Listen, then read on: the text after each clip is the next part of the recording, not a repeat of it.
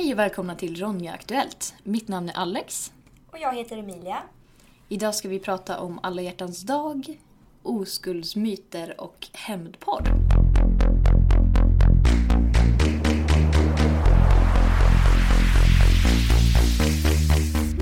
Hur mår du idag Emilia? Eh, jag mår bra. Jag har haft eh, samtal med min chef och eh, det gick väldigt bra. Han gav mig väldigt mycket positiv feedback så det kändes väldigt kul. Så nu hoppas jag att jag får en fast anställning snart för det hade varit fantastiskt. Eh, hur mår du Alex? Eh, jo då, haft en eh, ganska kort dag på jobbet. Det har varit soligt ute. Jag har varit ute och gått med hunden. Så ja, Vad mysigt. vanlig dag. nu håller vi tummarna för att du får en fast anställning. Woho!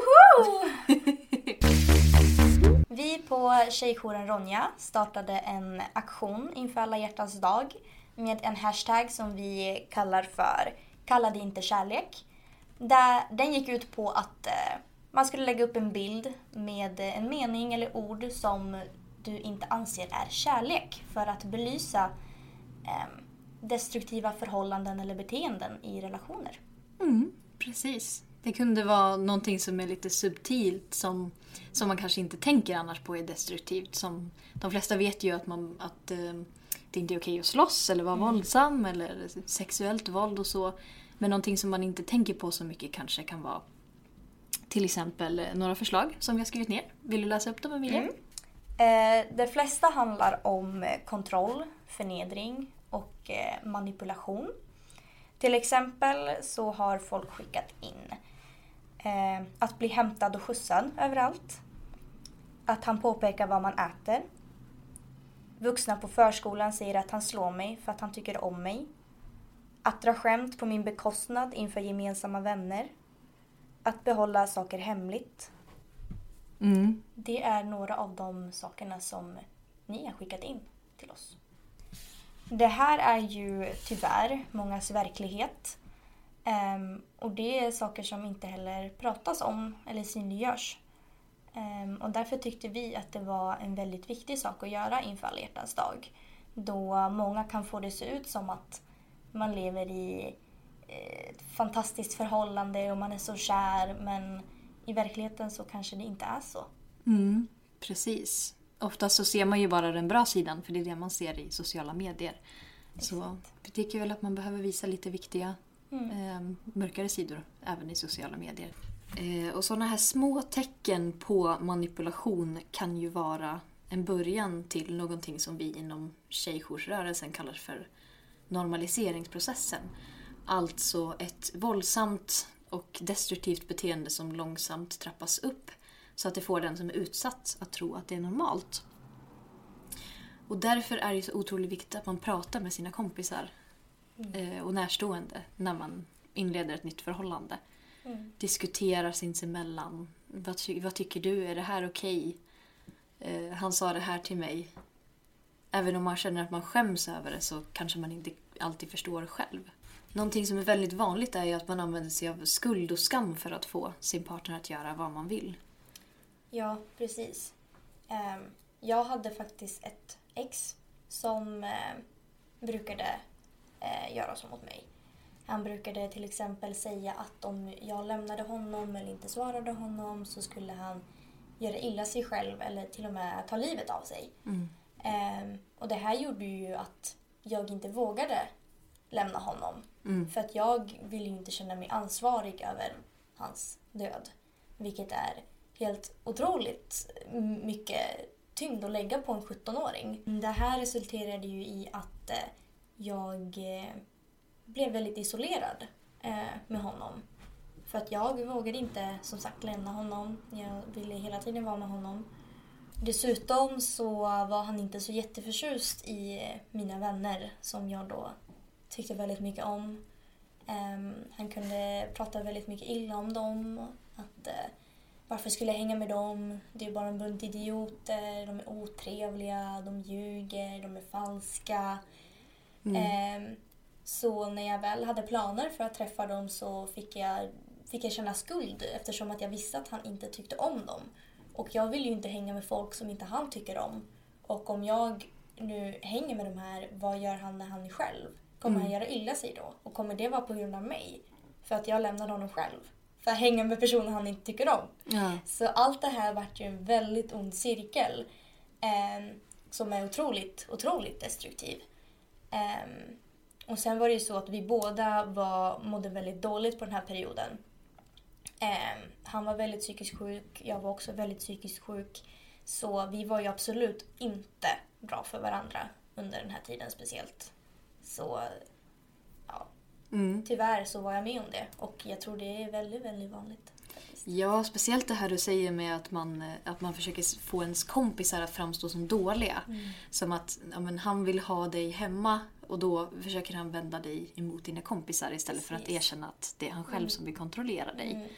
Så det, är- de kommer ju på liksom små sätt att gå runt det och få som de vill utan att säga det rätt Mm. ut. Exakt. Som den här, eh, jag tror det är extremt vanligt när man har barn, att man använder barnen eh, som att men du får inte gå ut på after work nu för du, då är du en dålig mamma. Eller nej men ska du verkligen dra iväg och, och ta en fika med en kompis nu när ja, dina barn kanske saknar dig. Ja. Så det finns många sätt att, att använda skuld och skam Mm. för att kontrollera.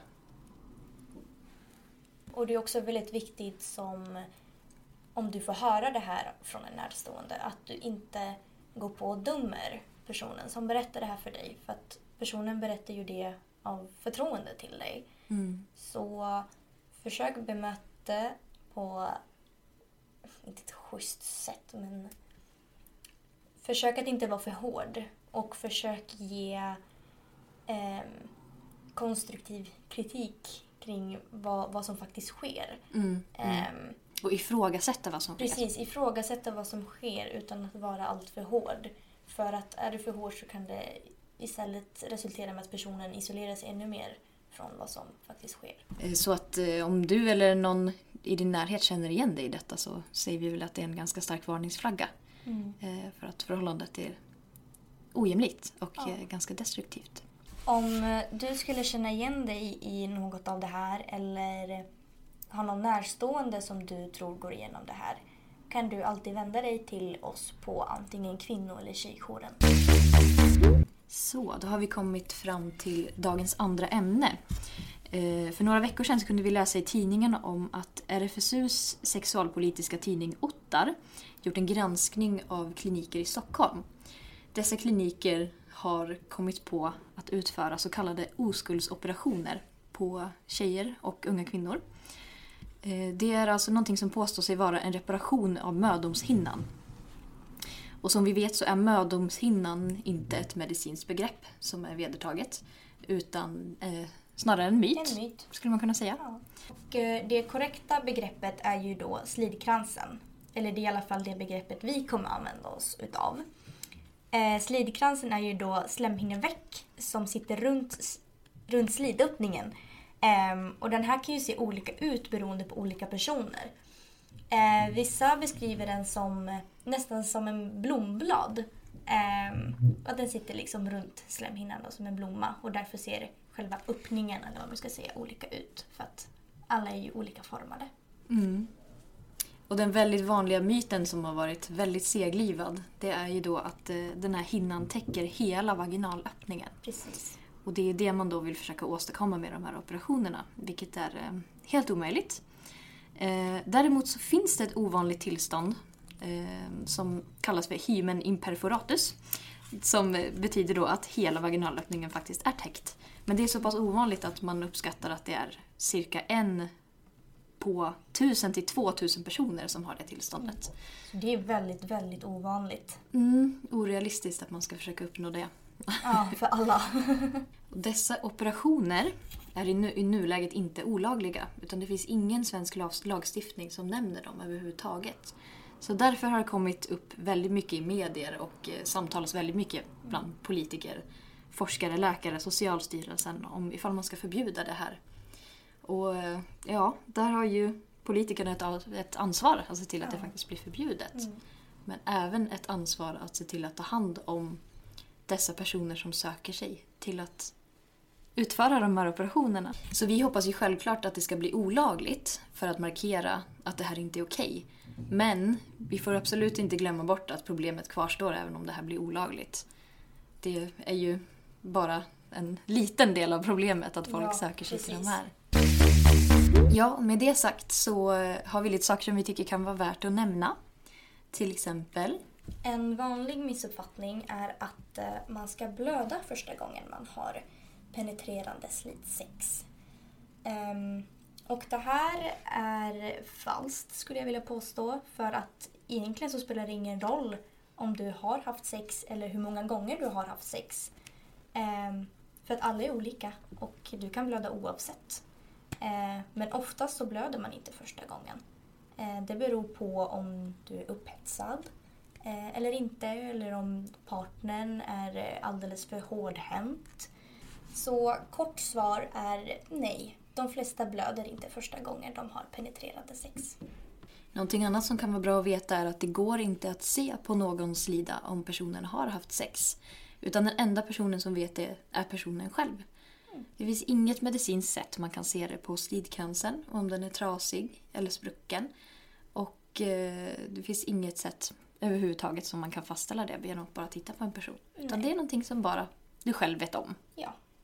Och eh, din slidkrans kommer inte gå sönder för att du cyklar eller rider. Och om det är så att man är mer intresserad av hur sidan funkar och hur en slidkrans kan se ut så kan man gå in på RFSUs hemsida, rfsu.se. Så finns det jättemycket bra information, det finns bilder, det finns alla funderingar man kan ha kring att, eh, att vara så kallad oskuld. Så det kan vi verkligen rekommendera för eh, alla åldrar, alla personer. Det finns väldigt mycket bra att läsa där i övrigt också. Det finns även på flera språk, så du behöver inte kunna svenska.